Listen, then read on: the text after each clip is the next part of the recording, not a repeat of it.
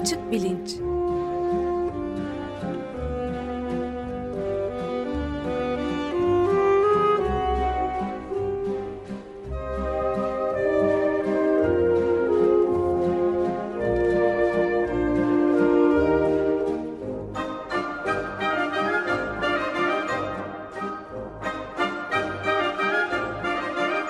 Güven Güzeldere ile bilim ve felsefe sohbetleri. Günaydın Güven Günaydın Bey. Ömer Bey. Günaydın. Günaydın Özdeş. Evet bugün Aysu'de Kölemen'le konuşuyoruz galiba ama siz takdimini ve neler konuşacağımızı söylerseniz çok Evet, daha iyi. merhaba Aysu'da, hoş geldin. Merhaba, hoş bulduk. Hoş geldiniz. Merhaba, hoş Hoş geldiniz. Bugün konumuz anketler. Seçimler gündeme geldiği zaman hep önem kazanan e, bir konu. Geçen hafta Amerika Birleşik Devletleri seçimlerinden konuşmuştuk. Ee, anketler Amerika Birleşik Devletleri seçimlerinde yine yanıldılar. Genel olarak anketlerdeki sorun ne? Siyasette bir ölçme yöntemi olarak anketler hakkında ne düşünmeliyiz? Ne kadar önemsemeliyiz? Bu konunun hem kuramsal yanlarını hem de pratik yanlarını bilen ve çalışan bir kişi Aysuda Kölemen. Daha önce de konumuz olmuştu hatırlayacaksınız. Bard College Berlin'de e, siyaset bilimci, öğretim üyesi. Dolayısıyla anketler konusunu hem kuramsal hem pratik yönleriyle ele almaya çalışacağız. Ben e, izninizle şöyle küçük bir giriş yapayım. Geçen haftaki açık bilinçte Amerika Birleşik Devletleri seçimlerini konuştuk. Ee, orada ben yani bu kelimelerle söylememiştim ama şer ile ehveni şer arasında bir seçim e, gibi bir şey e, düşünüyordum. Hala da öyle düşünüyorum. Yani böyle çok Biden hayranı bir kişi değilim ama bu kötüyle kötünün iyisi arasında o kadar büyük bir mesafe ve öyle büyük bir uçurum var ki Biden'ın kazanmış olması sahiden e, çok büyük bir fark yarattı. E, yalnız Amerika için değil, dünya için, bütün ülkeler için, gezegen için, bütün canlılar için ya da yaratacağını umuyoruz en azından böyle bir ümit doğdu. Dolayısıyla çok önemli bir şeydi. Fakat e, geçen salı seçim gecesi Amerika Birleşik Devletleri'nde yaklaşık gece yarısı e, olduğunda saat Trump'ın kazanacağı yönünde bir hava vardı ve anketler yine yanıldı. E, 2016'da olduğu gibi yine Trump kazanacak görüşü e, yaygınlaşmıştı. Ben bugünlerde yaşanan coşkunun biraz bu travmanın atlatılmış olmasıyla da ilgili olduğunu düşünüyorum. E, Cumartesi günü Biden'ın resmen e, başkan olduğu açıklandı. E, ben bunu önce sokaktan gelen korna seslerinden anladım. Bir şeyler oluyor çünkü burada böyle pek e, öyle şeyler olmaz. E, maç falan da pek olmadığı için. Sonra e, mahallede biraz dolaşmaya çıktım sahiden. Yani dans eden, müzik yapan, işte pankart açmış olan, sevinç gözyaşları döken benim Amerika Birleşik Devletleri'nde hiçbir seçimden sonra görmediğim bir coşkuyla insanlar sokaklara e, çıkmışlardı. Biraz da şöyle bir hava var. Yani dört yıldır e, üstünüze zorla giydirilmiş bir deli gömleğinden sonunda kurtulmuş ya da kurtulmak e, üzeresiniz ve bunun getirdiği rahatlığın yaşattığı bir coşku da görüyorum. Psikolojik olarak baktığımızda aslında bu tür deli gömleği durumlarında bu gömleğin içine sıkışmışken de tabii insan bunun ağırlığını hissediyor ama gömlek çıktıktan sonra aslında ne acayip bir şeymiş bu farkındalığı daha da e, kuvvetleniyor. Amerikalıların da biraz bunu yaşamakta oldukları kanaatindeyim. Ne diyeyim darısı benzer durumlardaki başka ülkelerin ve ulusların e, başına diyorum ve anketler e, konusuna e, geliyorum. E, şimdi anketlerde Biden'ın rahat kazanacağı iddia ediliyordu. E, Hillary Clinton'da hata yaptığını e, kabul ettikleri halde biz bu hatayı düzelttik işte şimdi doğru anket yapıyoruz diyorlardı. Bir tek öyle de değil yani iki kolonlu çıkmaya başlamıştı anketler. Şimdiki anketimize göre Biden işte şu kadar önde ama Clinton zamanında yaptığımız hatayı e, göz önüne alır ve o kadar hata yapacağımızı varsayarsak yine de bu kadar önde diye yine de bayağı rahat bir şekilde kazanması gerekiyor gibiydi. Öyle olmadı. Biden kazandı ama böyle damla damla artan oylarla dört gün süren bir e, sayım sonucunda filan oldu. Biraz e, bundan konuşalım istiyorum. Biraz Türkiye'ye de değinelim istiyorum. Fakat e, daha temel bir soruyla başlayalım. Şimdi Aysu'da sen anket içeren bir çalışma yaptığın zaman bir şey ölçmek istiyorsun. Bir anket hazırlıyorsun.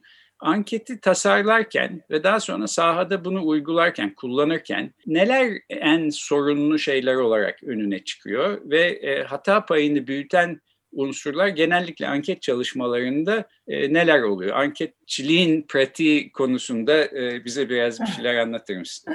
Yani şimdi tabii anketçiliğin pratiği ülkeden ülkeye değişiyor. Türkiye'de mesela bir anket yapıyorsunuz ve gelen sonuçlarda işte e, ne bileyim İstanbul'da yaptığınız bir ankette CHP'li oranı çok yüksek çıkıyor mesela e, anket yapılan kişiler arasında. Ki her şeye dikkat etmişsiniz, bayağı para harcamışsınız ama anlamadığınız bir şekilde AKP seçmenin oranı düşük çıkıyor. Ee, ve bunun da bir açıklamasını bulamıyorsunuz. Yani hani anket yaptırdığınız şirkette de görüştüğünüzde biz her kapıyı çaldık vesaire.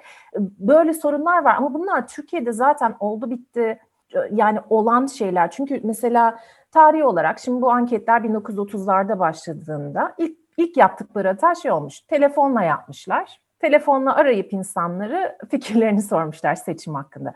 Tabii o zaman Amerika'da da telefon sahibi insanlar orta sınıf ve üstü insanlar. Ee, ve dolayısıyla bunların da cumhuriyetçilere oy vereceği çıkınca çok büyük bir farkla yanlış tahmin etmişler Roosevelt'in seçildiği seçimleri. Yani müthiş bir e, şeyle, güvenle e, Roosevelt'in kaybedeceğini düşünürken o büyük arayla kazanıyor tabii ki bunu e, alt orta sınıf, işçi sınıfı vesaire desteğiyle kazanıyor. Sonra ha tamam biz bu yöntemi yanlış yaptık, uyguladık. Böyle olmazmış bu deyip e, düzeltiyorlar. Ve uzun sürede iyi gidiyor çünkü e, işte Amerika gibi, Almanya veya İngiltere gibi e, 20. yüzyılda özellikle 2. Dünya Savaşı sırasında sonrasında siyasetin çok böyle, neredeyse e, tek düze gittiği ülkelerde e, çok başarılı oluyorlar. Aşağı yukarı seçmenin eğilim belli, partiler belli, büyük değişimler yok. Şimdi 21. yüzyıla geldiğimizde durum değişmeye başladı. Her şey daha belirgin yani daha belirsizleşmeye başladı biliyorsunuz. İşte popülist hareketler çıkmaya başladı. İki parti sistemleri sallanmaya başladı. Ki mesela Amerika'da ve İngiltere'de iki parti sistemi seçimin gereğidir. Yani seçim sisteminin neredeyse e, gereğidir. Fakat İngiltere'de buna rağmen üçüncü parti güçlendi vesaire. Amerika'da da iki parti sistemi tam tersine inanılmaz güçlendi, inanılmaz bir kutuplaşma oldu ve burada da sorunlar çıkmaya başladı. Ee, sonra şeye geçildi, akıllı telefonlara ve dolayısıyla insanlar ev telefonlarını bırakmaya başladılar. Sadece işte daha yaşlı kesimin evinde ev telefonları kaldı. Mesela seçimlerden sonra, geçen 2016 seçimlerinden sonra bir sorun da buydu dediler. Yani biz çok fazla ev telefonlarına dayandık. Halbuki e, e, şeylere cep telefonlarından araştırma yapan şirketler daha başarılı oldu. Vesaire bunun gibi şeyler oldu. Şimdi 2016 seçimlerinden sonra bu kadar büyük bir hata yapınca ve sadece tek tek anketlerde sorun olsaydı dert olmayacaktı. Fakat ne yaptılar? Bütün anketlerin ortalamasını aldılar, modellemeler yaptılar. 2008'de harika işleyen, 2012'de harika işleyen bu ortalama modellemeleri tamamen çöktü. Şimdi Bizim e, sahada, senin sorduğun soruya gelirsem eğer sahada yaptığımız e, anketlerde sorun ne dersen ben seçim araştırması yapmadığım için geleceğe yönelik bir tahminde bulunmak zorunda kalmıyorum. Yani o anda e, ne varsa onu ölçmeye çalışıyorum. Seçimde şu soruyla karşı karşıya kaldık. Acaba bu değişen parti sistemi, kutuplaşma vesaire nedeniyle üç gün sonrasını bile tahmin etmek mi zorlaştı? Bir soru bu. Yani belki biz, belki de o anketçiler doğru şeyi ölçüyor. Ama seçimlerden 5 gün önce, bir ay önce ölçtükleri şey, o an doğru olan şey seçim günü değişiyor. Çünkü birçok insan fikir değiştiriyor veya kararsızken e, kararsızları hani aşağı yukarı verilen cevaplara göre dağıtıyoruz anketlerde, seçim anketlerinde. Yani karar vermişlerin %55'i bir tarafa kırılıyorsa Kararsızları da aşağı yukarı %55 civarında o tarafa kırılacak gibi farz ediyoruz. Mesela bu modellemeler yanlış mıydı? Bunlar sorgulanıyor. Çünkü şu görüldü 2016'da e, sonradan bakıldığında kararsızların e, daha yüksek bir oranı Trump'a son dakikada kaymış. Şimdi belki burada da aynı şeyi göreceğiz. Hatta böyle bir şey olmuş diyenler var.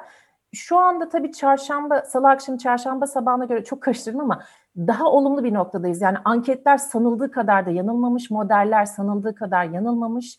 E, 2016'daki kadar büyük bir facia söz konusu değil. Yine de e, bir şey var. Yani anketçiler arasında, modelleme yapanlar arasında bir e, dönüp biz nerede yanlış yaptık e, hesaplaşması olacak. Şimdi burada dediğim gibi iki şey var. Belki yanlış e, insanlara soru sordular. Yani örneklemi yanlış aldılar. Örneklemi yanlış almak e, ikinci olarak da örneklemi doğru aldılar, doğru insanlara sordular. E, fakat bu insanlar yanlış cevaplar verdiler. Ve bu da şundan kaynaklanabilir. Burada da ikiye ayıracağım. Yanlış cevap verdiler çünkü fikirlerini değiştirdiler son dakikada. Yani kararsızım dediler ama aslında çoğu aslında Trump'a meyilliydi. Veya Cumhuriyetçilerin söylediği çok şey var. Özellikle bu kırsal kesimde ben zaten hiçbir anketöre kapımı açmıyorum diyor. Yani doğrudan doğruya e, yalan mı söylediler kısmı var ama belki de yalan söylemediler. Cevap vermiyorlar. Telefona cevap vermiyorlar, kapıya cevap vermiyorlar anketör geldiğinde. Bu da bir sistem protestosu olmuş onlar için. Dolayısıyla cevap verenler arasında Trump seçmenin e, oranı daha az oluyor. Otomatik olarak örneklem e, taraflı olmuş oluyor. Böyle bir şey de söz konusu olabilir. Ve bu da aslında kutuplaşma ve bütün sisteme olan güvensizlik bu. Popülist söylemin e, basına güvenmeyin, akademiye güvenmeyin yanında devamlı neyi dedi, dedi Trump? Anketörlere de güvenmeyin dedi, anketlere de güvenmeyin dedi. Anketlere güvenmemek de iki yönlü. Hem sonucuna güvenmiyorsun hem de anketi yapanları da protesto etmek istiyorsun. Onlara da güvenmiyorsun, niyetlerine de güvenmiyorsun. Dolayısıyla o kapıyı açmak da istemiyorsun ya da açtığında onlara dürüst cevap vermek de istemiyorsun belki. Yani bir sürü faktör bir araya geldi ne yazık ki ve bence dönüp bakıldığında da kolay kolay anlamayacaklar nerelerde tam hata yapıldı ve bu hatalar düzeltilebilecek şeyler mi? Ben bir de şeyi sorayım. Yanlış cevap verdiler ankete dediniz. Ne demek yanlış cevap vermek? Ne anlama geliyor? Yani şöyle bir şey var. Mesela iki ihtimal var. Birincisi özellikle işte sol basında, liberal basında söylenen şey işte Trump'a oy verecekler. Fakat oy verdiklerini söylemeye utanıyorlar. Çünkü Trump sosyal olarak çok kabul edilebilir bir aday değil. Ee, ben mesela bu birinci söylemi hiç e, gerçekçi bulmuyorum. Çünkü Trump seçmeni oldukça gurur duyuyor Trump'a oy vermekten. Ben e, çok öyle yani biliyorum şehirdeki sol kesimlerden bakınca belki utanılacak bir şey gibi görünüyor ama oy verenler açısından öyle değildi.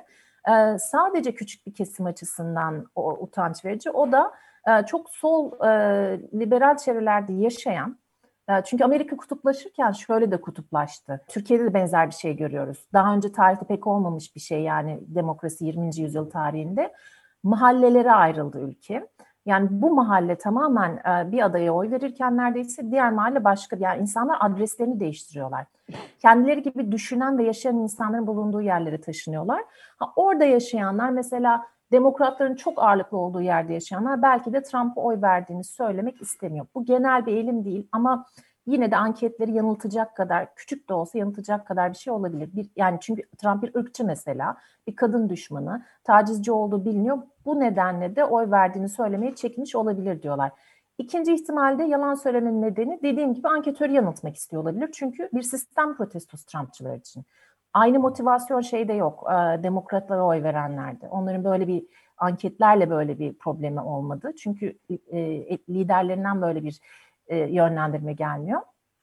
Şunu yapabilir, Trump'a oy vereceğim diyeceğine karar vermedim diyebilir. Hatta bilemiyorum belki de yani Biden'a oy vereceğim bile diyebilir. Bu şüphelenilen şeyler bunlar. Evet yani ben şunu anlıyorum o zaman bütün suçu anketçilere yıkmak yanlış çünkü hani anketçilerin ağızlarıyla kuş tutsalar aslında çözemeyecekleri bir takım sorunlar olabilir. Eğer size e, kapısını açan kişi bilerek ve isteyerek yalan söylüyorsa ve çok sayıda kişi böyle yapıyorsa işte ne yapacaksınız? Öte yandan e, diyelim Trump e, e, taraftarları, seçmenleri, anketörleri e, reddediyorlar e, kapılarına geldiklerinde ya da telefon açıldığında. E, ben mesela bu anketler e, yayınlanırken reddedilen anketçi e, sorusu oranında ciddi bir artış var mı yok mu? Bunu da bilmek isterim. Çünkü bu da modelin içine katılabilecek bir şey gibi bana gözüküyor. De nerelerden? Yani, ve nerelerden? Daha kırsal mı vesaire? Belki bu da e, kale alınmıştır. E, bilmiyorum. Yakından bakmadım anketlere ama e, anketçilerin de yapabileceği bir takım e, şeyler var gibi gözüküyor sanki. İşte e, anladığım kadarıyla mümkün olduğu kadar bunları e, dahil etmeye çalıştılar. E, yani bir de şöyle bir şey var. Hani kapıyı açmamak neden kapıyı açmadı da bilemiyorsunuz. Evde değildir kapıyı açmaz. Ama tabii genelde ortalamalara bakarak e, bir de şöyle bir şey var. Yani genel olarak son yıllarda anketlere zaten katılım düşüyor dünyada. Hani insanlarda bir anket yorgunluğu da var. Yani sürekli e, biriyle özellikle Amerika gibi anketlerin seçimler öncesinde çok yoğun olduğu yerlerde sürekli pazarlama için, şunun için, bunun için evinizin arandığı ve size sorular sorulduğu yerlerde yani sen de biliyorsun hani böyle şey var. E, sürekli birileri arıyor Amerika'da yani eğer engellemezse insan, eğer kendi ismini bir yerlere koymazsa anket için arıyor, bir şey satmak için arıyor. E, ve insanlarda onun bıkkınlığı da var. Telefonu doğrudan doğruya kapatıyorlar ya da kapıya geleni reddetme eğilimde arttı diyorlar. Hani böyle bir sorun var. Hatta mektuplara cevap verme vesaire şey e, mektupla eskiden daha çok anket yapılabiliyordu. Şimdi bunlara da tabii. Ha internet anketleri başladı. İnternet anketinde de çok büyük sorunlar var. Yani kimlik tespiti. Ben yakın zamanda internetten bir anket yaptım ve e, kimlikleri e, yani yalancı hesapları ayıklamak için birkaç soru eklenebiliyor. Ekledim. E, ve bana gelen üç cevaptan bir tanesi e, bot hesaptan gelmiş yani yalancı hesaptan gelmişti. Bu da benim tespit edebildiklerim belki e, sahte ama şey değil otomatik sahte değil hani biraz akıllıca doldurulmuş anketler de olabilir. Mesela böyle bir sorun da var. Tabii ki sistematik anket yapanlar bu, bu konularda biraz daha avantajlar. Kendi havuzlarını oluşturabiliyorlar yani hani bizim gibi akademiden şey yapanlar gibi başka ikinci araçları kullanmıyorlar. Kendi havuzlarını oluşturuyorlar. Yine de havuz oluştururken de mesela insanlara para veriliyor veya işte e, oyun puanları veriliyor. E, bir, bir takım yani şeyler veriliyor e, katılsınlar diye. Hani bunlar da acaba etkiliyor mu katılımı? Yani etkiliyor ama sonuçları değiştirecek kadar etkiliyor mu? İnternette mesela şunu biliyoruz. Yaşlılar daha az katılıyor internet e, şeylerine. Yani daha az cevap veriyorlar doğal olarak mesela bazı internet yerlerinde erkekler daha çok daha çok erkeklerin katılımı internette daha yüksek. E, şimdi bunlar nasıl her şey yani teknoloji çok hızlı gelişti. Ee, ve hani eskisi gibi mektupla cevap almak da daha zorken e, artık ona hani e, İngilizce'de şey deniyor salyangoz mail deniyor. E, e-mail yerine salyangoz mail o kadar yavaş geliyor ki. Bütün bu teknolojik gelişimlerle bir yandan da kutuplaşma var. Yani acaba sorun kutuplaşmada mı Yoksa e, bu teknolojik gelişmelerde mi? Yoksa ikisinin karışımı ve ne ağırlıkta? E, şu anda bilmek çok zor. Fakat enteresan bir şey var. Daha bir sene önceden modelleme yapıp mesela e, hem 2016'yı hem 2020'yi bilen bir e, hocayla ben konuştum. E, yani bir konferansımıza katıldı ve e, şey yaptı, sunum yaptı daha doğrusu konuştum derken. Ve o mesela şey çok emindi 2016'da Trump'ın kazanacağından, 2020'de de Biden'ın kazanacağından. Çünkü şey diyor yani artık e, anketlere karşı değilim ve anketler tamam e, bazı problemler var ne olduğunu bilmiyoruz ama anketlere gerek kalmadan görebiliyoruz kim olduğunu. Çünkü o kadar büyük bir partizan kutuplaşma var ki aslında insanların nereye oy vereceği bir sene önceden belli oluyor. E, belli faktörleri girince diyor. Ve bu da çok korkutucu bir şey aslında bence. Yani gerçekten e, hoca da aynı şeyi söyledi mesela. E, Rachel e, Bytkofer ismini söyleyeyim modeline bakmak isterseniz. Yani demokratik açıdan çok korkunç bir şey. E, o kadar önceden biliyoruz ki diyor insanların aslında nereye oy vereceğini. Tek yapmak e, gereken partiler açısından oy vereceği belli insanları mobilize etmek ve sandığa götürmek ve kim burada daha başarılı olursa onlar kazanıyor dedi. E, ve son seçimde de mesela bunun örneğini e, şeyden verdi. Michigan'da parti merkezden gelen parti teş Michigan Parti Teşkilatı merkezden gelen talimata aykırı davranarak e, yerel konular üzerinden e, şey kampanya yürütmek yerine seçmen mobilizasyonu yap. Ve bu sayede kazandılar diyor. Birkaç eyalet bunu yaptı. Yani anketlere güven e, şuradan da azalıyor. Şunu da söyleyeyim. Çok daha e, temel bir itiraz var e, Talep adlı bir finans e, hocasının yine şeyi çok güzel ifade ettiğini gördüm bunu. Şunu söyle, Zeynep Tüfekçi de yazdı e, benzer bir şey. Gelecekte olan bir şeyi tahmin edeceksek, yani bu anket de olsa, herhangi bir model oluşturacaksak bunun etrafında bütün bilinmezleri içine koymak zorundayız bu modeli. Fakat ee, mesela bu seçimde çok fazla bilinmez var. Dolayısıyla bu kadar bilinmezin olduğu yerde bilinmezleri o modelin içine koyduğunuzda aslında geldiğiniz nokta yüzde 50-50'ye varıyordu. Yani e, yüzde 80 bu tarafa gitti, yüzde 90 bu taraf olacak, yüzde 10-20 bu taraf olacak. Fakat e, şu durum değişirse biz bunu güncelleyeceğiniz güncelleyeceğiz dediğiniz anda diyor. Siz aslında belirsizliği kabul ettiniz fakat modelin içine katmadınız demektir bu. Katmak zorundasınız diyor ve o zaman da aslında modelinizin ne kadar anlamsızlaştığını göreceğiz diyor. Çünkü biz finans piyasalarında da çok belirsizlik olduğu noktada e, geleceğe yönelik yazı tura atmaktan ötesini tahmin edemeyiz diyor. Bu da bana şey hatırlatıyor, e, psikologların yaptığı bazı araştırmalar var, anket değil ama çok benzer bir mantık. E, insanlara gelecekte ne olacağını soruyorlar siyasetle ilgili mesela. Ve o konunun uzmanlarına soruyorlar ve genel olarak halka soruyorlar. En kötü sonuç nereden geliyor biliyor musunuz? Konunun uzmanları en kötü tahminlerde bulunuyorlar gelecekle ilgili. Ve çok eminler. Çünkü gerçekten biliyorlar ve bildikleri için de e, kafalarında bir analiz yapıyorlar ve de sonucu söylüyorlar ve şöyle olacak diyorlar. Mesela Orta Doğu'da olaylar şöyle gelişecek. Ülkede ekonomi böyle gelişecek diye bilgi veriyorlar. E, fakat psikolog e, psikoloji araştırmalarında bunun nedenini de şöyle açıklıyor. Çok bilinmezli bir dünyada yaşarken gelecek hakkında tahminde bulunmak her zaman bir nevi falcılık aslında. Fakat uzmanlık insanlara fazladan ve çok gereksiz bir şey veriyor. Özgüven veriyor tahminleri konusunda ve kendi düşündükleri 3-5 faktör dışında düşünmeyi bırakıyorlar. Yani çünkü tabii ki her uzmanın en fazla dikkate aldığı bazı şeyler vardır, etkenler vardır. Fakat o sırada bambaşka bir şey düşünemez ve onun e, modeli sokmadığı için de hatta sokamaz çünkü henüz olmamıştır. Çünkü olayın gerçekleşmesinden belki üç gün öncedir vesaire öngöremez diyor. Ee, mesela ben orta yani e, çok basit bir şey söyleyeceğim. Ee, Mısır'da olacakları kimse öngöremedi. Bir gün bir şey olacak dese de birileri mesela öngöremezdi. Çok e, burada burada Ömer Bey'in e, seveceği bir şey olacağını düşünüyorum. E, yani iklim değişikliğinin yarattığı, kuraklığın yarattığı e, şeyler temel gıda fiyatlarının yükselmesi mesela Mısır'da ciddi bir e, şeye e, yol açmıştı. Bunu öngöremezsiniz.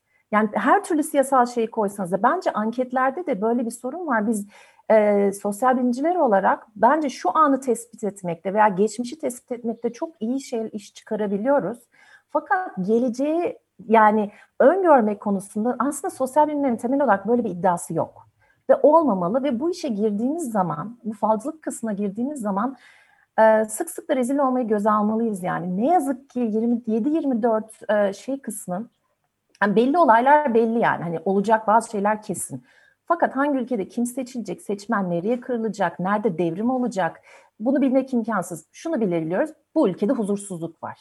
Ama, Ama belki huzursuzluk... de pardon yani keserek söyleyeyim tabii, tabii, deminki şeye e, belki de e, atmosfer bilimlerine daha yakın bir takip yaparsa sosyal bilimciler e, çok daha kolay e, şey yapabilirler. Mesela Amerika Birleşik Devletleri'nde e, Suriye'deki olayı analize edenler uzun süren kuraklığın sonucunda iç savaş çıktığını ve ülkenin yarısının evinden, yerinden, yurdundan olduğunu filan ortaya koydular. Yani biraz belki de böyle fizik bilimlere daha yakın bakmakta fayda olabilir. Benim evet, başka evet. bir e, pardon e, başka bir çözümüm var. Bu Elon Musk'ın e, Neuralink diye bir projesi var biliyorsunuz. Evet. Hepimiz beynimize birer çip taktırdığımız zaman ne yapacağımızı e, bir merkezden e, herkes e, anlıyor olacak. Dolayısıyla anketlere de gerek kalmayacak. Bu tabii Biz işin şakası.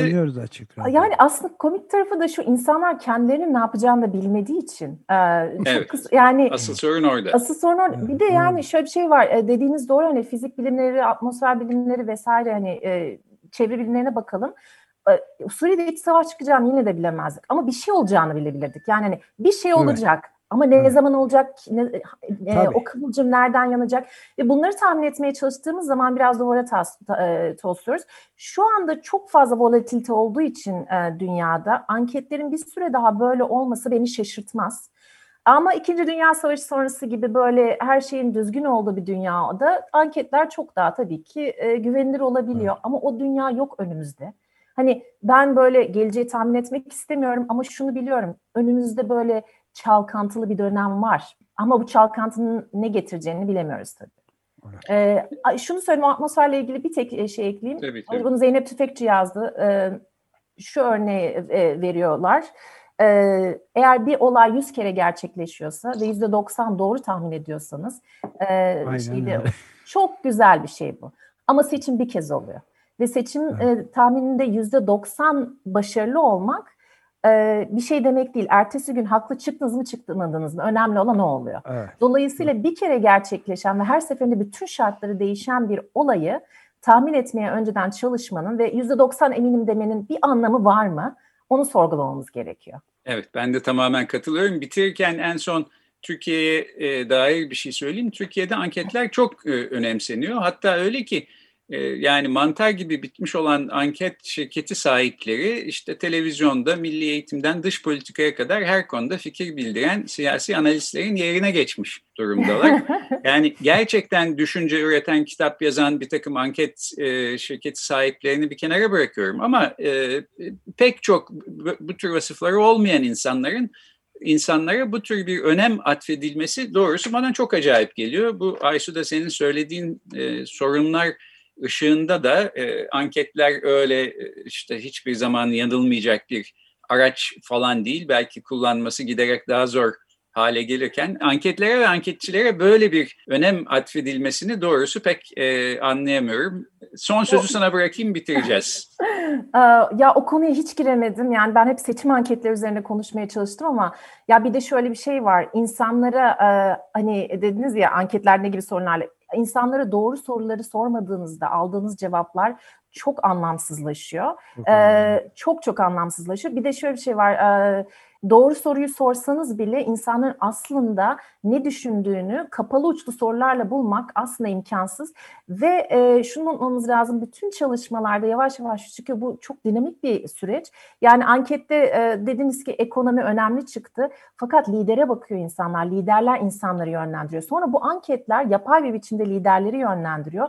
Ve e, bunlar da anlamsızlaşıyor bir süre sonra. Yani birbirini besleyen yapay bir süreç oluşturduk biz. Anket üzerinden siyaset oluşturmaya çalışan ilke ve e, politik vizyon üzerinden değil de üç günlük işte seçmen şunu demiş bunu demiş gibi güvenilirliği e, ve şey son derece şüpheli ve temel olarak aslında epistemolojik olarak bile sorunlu anketlere dayanarak siyaset oluşturmak zaten anlamsız. Yani sadece anket şey seçim anketlerinden bahsetmiyorum. Seçmen ne düşünüyor?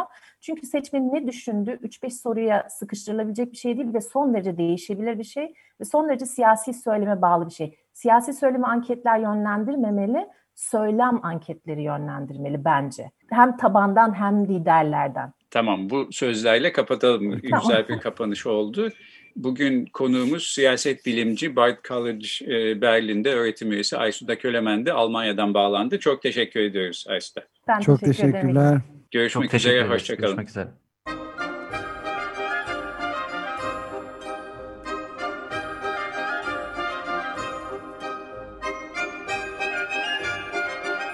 Açık Bilinç